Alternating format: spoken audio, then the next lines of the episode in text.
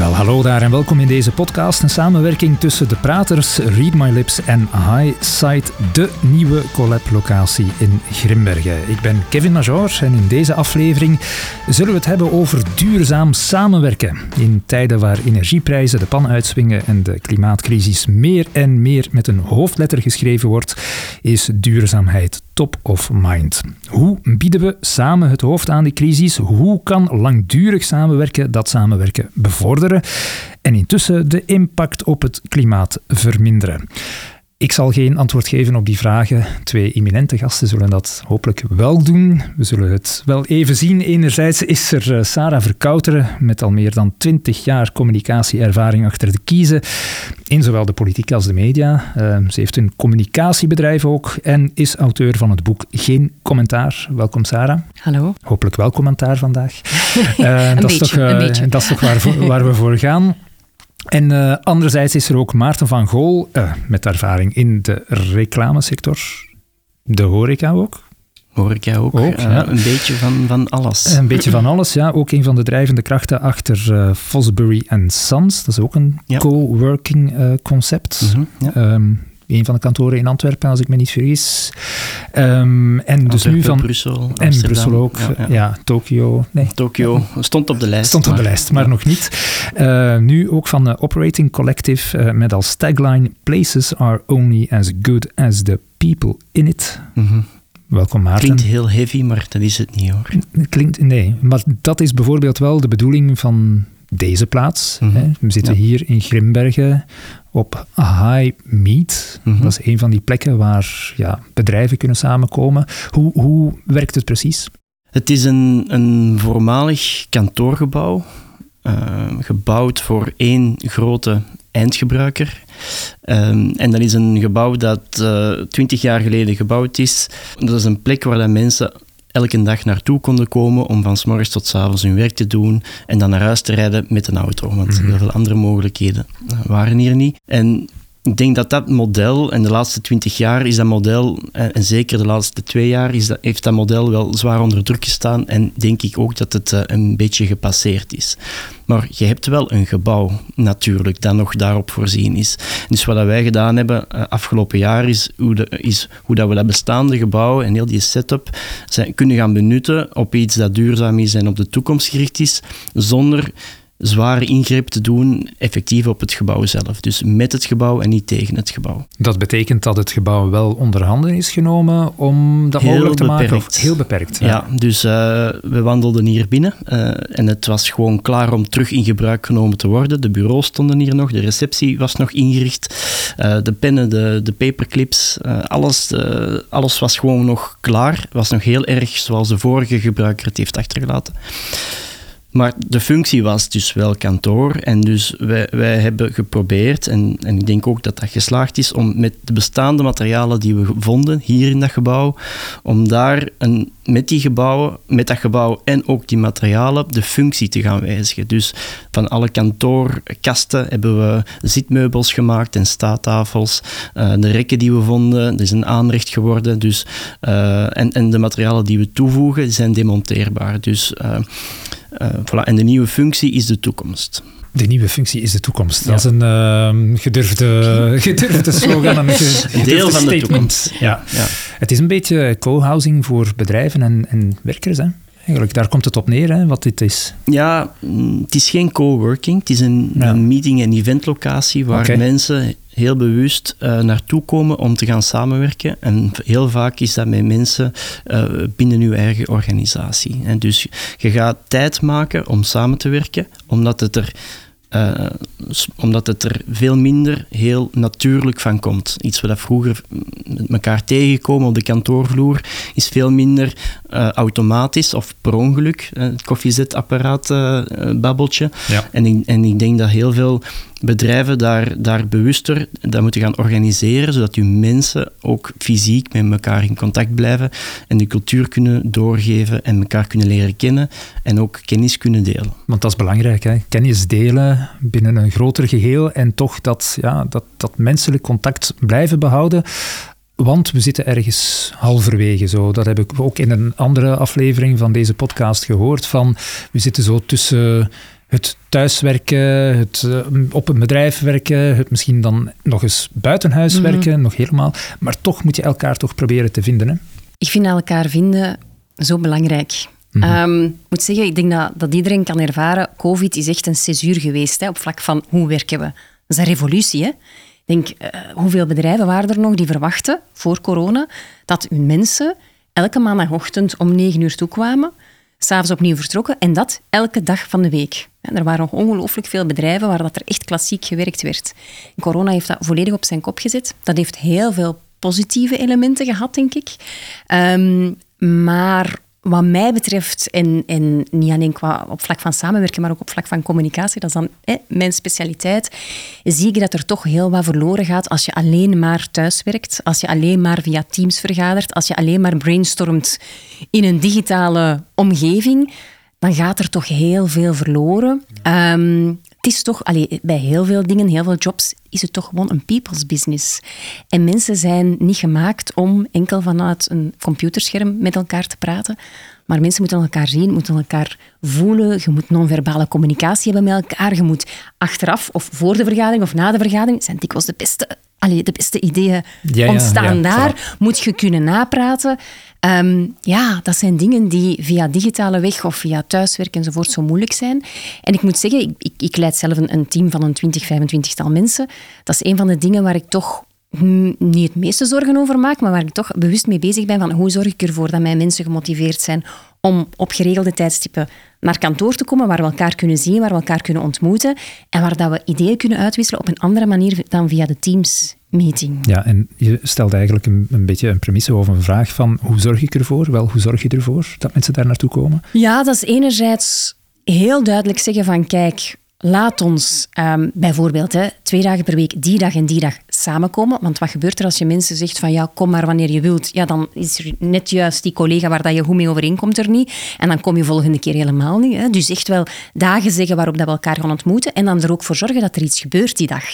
Een brainstorm inplannen bijvoorbeeld, samen. Samen eten smiddags, vind ik zo belangrijk. Uh, samen een koffie drinken. Dat er momenten zijn waarop dat je dan ook niet allemaal achter de computer zit te werken, maar dat je elkaar echt wel ja, informeel verder kan ontmoeten en elkaar kan, kan verder leren kennen. Het informele in het werk is eigenlijk belangrijker, denk ik, dan dat we soms denken. Ja, ik denk dat je meer van mensen gedaan kunt krijgen, zonder dat dat dwangmatig of zo mm. is, maar gewoon doordat je elkaar ook op een ander vlak een klein beetje kent, dan weet je ook misschien de, de kleine oneffenheden of de kleine dingen die mensen kunnen triggeren om toch nog wat beter te doen of wat een stapje verder te gaan. Of, uh, dat heeft wel voeding en initiatief nodig. En ik denk dat dat vroeger gemakkelijker was en dat dat dan dat initiatief minder nodig had. Ja. Maar dat je vandaag als bedrijf, en zoals dat je dat zegt, denk ik, heel, ja, dat, dat eigenlijk echt moet gaan initiëren en dat gaan organiseren om, om, om dat te gaan ontluiken en toch in stand te houden. Ja, ja. Uh, ja en dat is een werk ook dat niet af is, heb ik het gevoel. Dus hè, je, je kan dat initiëren, maar ik heb wel afgelopen jaar het gevoel gehad dat je dat moet blijven doen. Omdat mensen toch op een of andere manier zich vaak uh, het makkelijker vinden om thuis te werken. Hè. Je moet niet de files door. Uh, ja, het is, het, is, makkelijker combineerbaar met, met je gezin. Dat, dat klopt ook allemaal. Maar het is toch zo belangrijk om elkaar te blijven fysiek ook ontmoeten. Ik, ik, vind, dat, ja, ik vind dat heel belangrijk, zeker in teamwork. En ja, ik moet zeggen, ik ben... Dus ik, ik, ik werk bij Bipublic Groep. Ik leid dat bureau samen met mijn collega Anja Peleman. Wij zijn begonnen daar midden in de lockdown. Ons team zat volledig thuis. Mensen mochten niet op kantoor komen werken. Ja, dat is verschrikkelijk. Dat is verschrikkelijk. Mensen moeten ontmoeten, nieuwe mensen moeten ontmoeten en leren kennen via een scherm te zeggen van hallo, uh, wij zijn, de, wij zijn de, de nieuwe managing directors. wij komen jullie dan uh, ja, hè, leiden of motiveren of, of inspireren via een scherm. Ik heb heel hard het gevoel gehad, en dat was dan denk ik al bijna in de zomer, als we elkaar echt voor de eerste keer terug samen konden komen als één groep. En ik heb heel lang het gevoel gehad dat ik een half jaar ben verloren. Daarmee een half jaar om mijn mensen, mijn team, te leren kennen. Terwijl dat anders veel sneller, natuurlijker zou gelukt zijn. Ja, ja. ja, dat is echt mijn gevoel. Een van de dingen die we de afgelopen weken ook wel horen is van ja, het is allemaal goed dat thuiswerken. Dat op kantoor is misschien ook beter het, het gewone sociale aspect. Maar met de energiecrisis natuurlijk, die, ja, je eigen rekening gaat de hoogte in. En als je dan thuiswerkt, ja, wie moet dat betalen? Want ja, als je dan 9, 9 uur per dag aan het werk bent, ja, maar ja, je verbruikt wel de energie, de dingen. Ja, dat is niet efficiënt. Hè? Dat is niet efficiënt, nog milieuvriendelijk. Dus ja, wat gaan we, daar, wat gaan we daaraan doen? Daar heb ik toevallig, dat is niet toevallig, maar ook een pilootproject rondlopen. En, en die naam is Hoek. En dat gaat over werken om je hoek. Dus wij, wij zijn bezig met het uh, omvormen van uh, leegstaande handelspanden in dorpskernen. Dus uh, de, de, grote dorpskernen hebben het moeilijk om, om terug levendige dorpen te, te maken. Er is veel leegstand en dus wat doen we met Hoek? Dat is uh, die leegstaande panden uh, installeren als werkplek en de buurt uitnodigen om uit hun huis s morgens te gaan en, en, daar samen te komen om van daaruit te werken, zodat je s'avonds vanuit je dorp ook terug naar huis kunt gaan. En dan heb je nog altijd maar één kleine ruimte die je moet opwarmen en dus niet een volledig huis voor, voor één persoon. Plus, je behoudt de tijdswinst. En je moet ook niet de tijdswinst van het pendelen naar, naar het werk. Maar ik zeg ook, dat is, dat is iets goed, dat is goed voor een paar dagen in de week. Maar er is nog altijd die verbinding met dat kantoor dat nodig is. Maar dan stelt zich de vraag, moeten wij een kantoor in stand houden voor twee dagen in de week? Terwijl het dan, ja, het weekend staat het sowieso leeg en dan heb je nog drie dagen in de week dat dat leeg staat. En daarvoor is HAI dan ook teruggemaakt. Dus uh, dat je kan zeggen, oké, wij komen uh, op dinsdag, die dag komen we ons team samen je gebruikt de faciliteiten en nadien heb je no strings, uh, strings attached en je hebt ook geen kosten en niet meer. En, en ik weet, dat zijn, dat zijn twee extreme voorbeelden waar wij vandaag rond, rond werken, maar ik hou daar wel van. En, en de echte werking voor veel bedrijven, dat zit ergens tussenin. En, en iedereen moet voor zichzelf dat evenwicht, maar ik voelde wel dat, dat die, die uiterste, dat dat iets is wat wij eigenlijk vanuit Operating Collective kunnen, kunnen gaan aanbieden en kunnen gaan gaan onderzoeken door het ook effectief te doen. Ja, in de praktijk te brengen. Sarah, hoe zit dat eigenlijk bij jou? Je zei daarnet 25 mensen die voor, voor jou werken.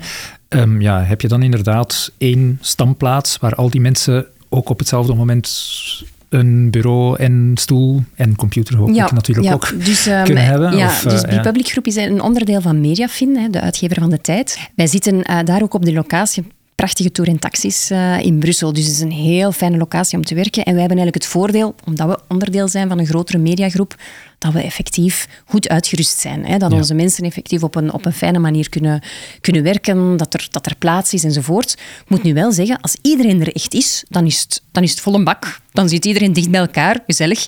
Um, en soms is het er effectief veel leger. En ja, is iedereen thuis aan het werken? Een, eh, een verdwaalde persoon die in Brussel woont en denkt, ik kom hier liever werken dan thuis. Niet te nagelaten. Maar, maar het is soms vol een bak en soms is het heel leeg.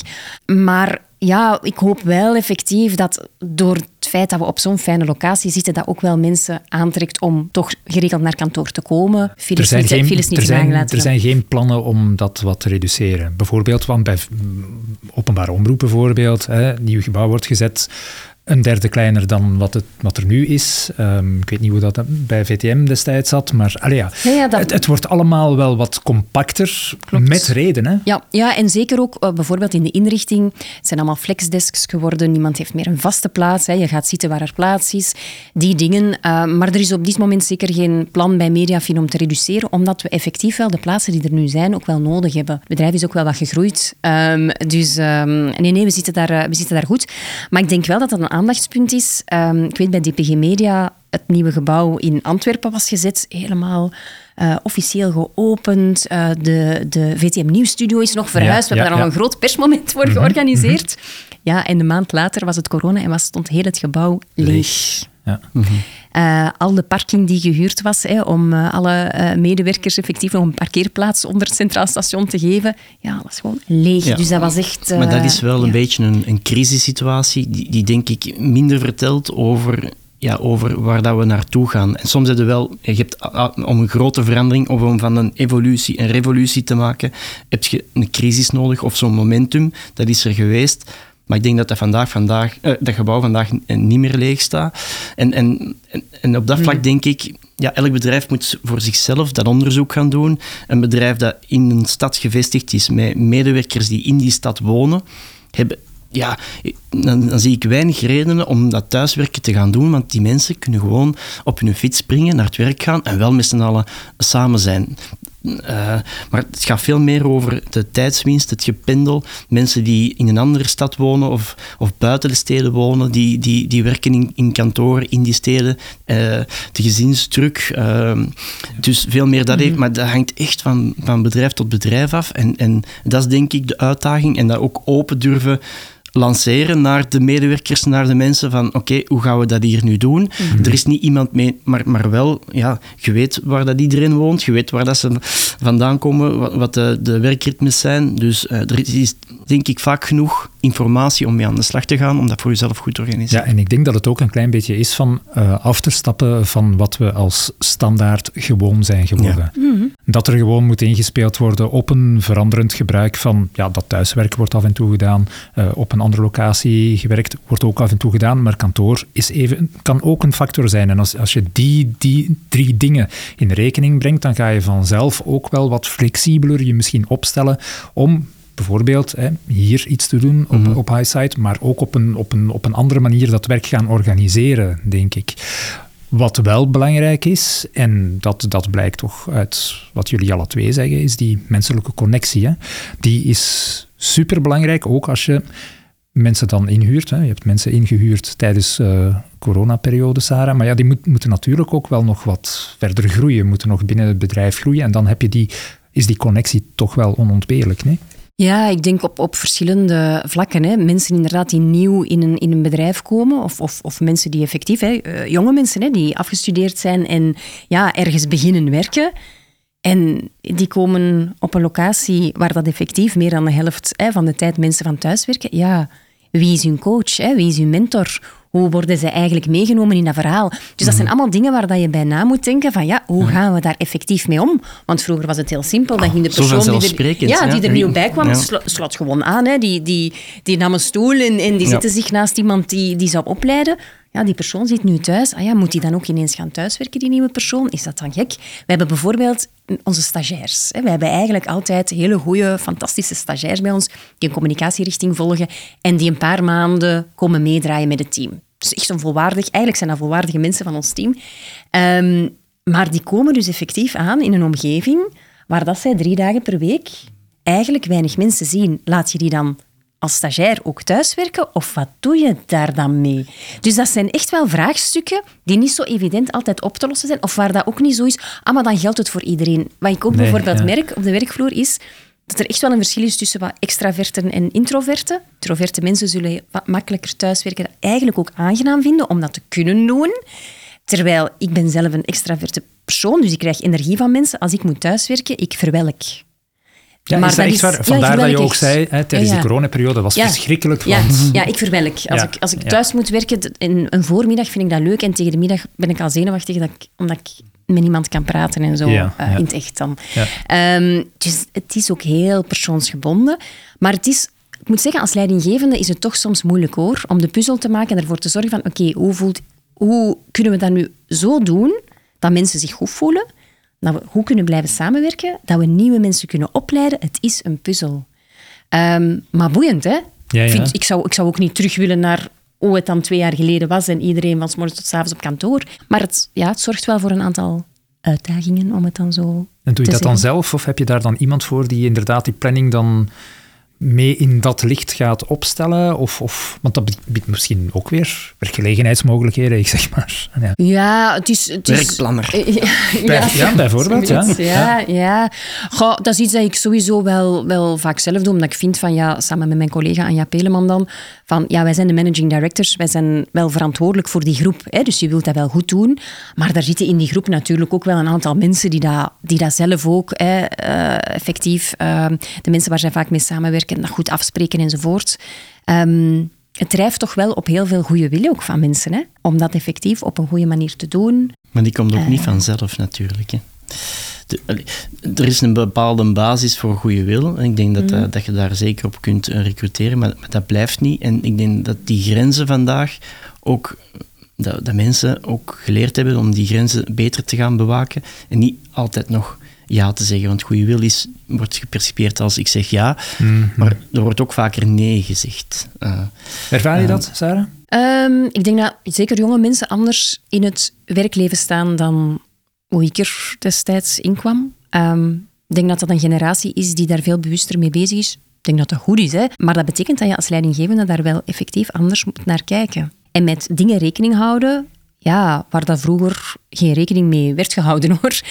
Ik vind dat goed. Ik, ik, ik werk heel graag met jonge mensen. Ik geef ook les aan jonge mensen. Ik, dat, dat, allez, dat inspireert mij. Ik vind altijd dat ik heel veel van hen leer. Waarschijnlijk meer dan dat zij, zij van mij leren zelfs. Um, dus ik vind dat heel goed. Maar zij zijn echt heel anders met hun werk bezig. Anders dat is een met grote hun leven uitdaging. bezig. Hè? De, Ja. de managementstijl. Dus eh, mensen heel dicht bij u, eh, control en command. Iets wat, dat- wat dat, eh, goed werkt als, als, als uw medewerkers eh, en uw collega's dicht bij u zitten. Maar op het moment dat daar wat meer afstand ontstaat, werkt dat veel minder goed en is dat zelfs iets heel moeilijk. Dus dat, dat vereist niet een andere werking, maar dat vereist wel een andere manier van leiding geven. Denk veel meer vanuit ondersteuning, vanuit faciliteren en uitdagen.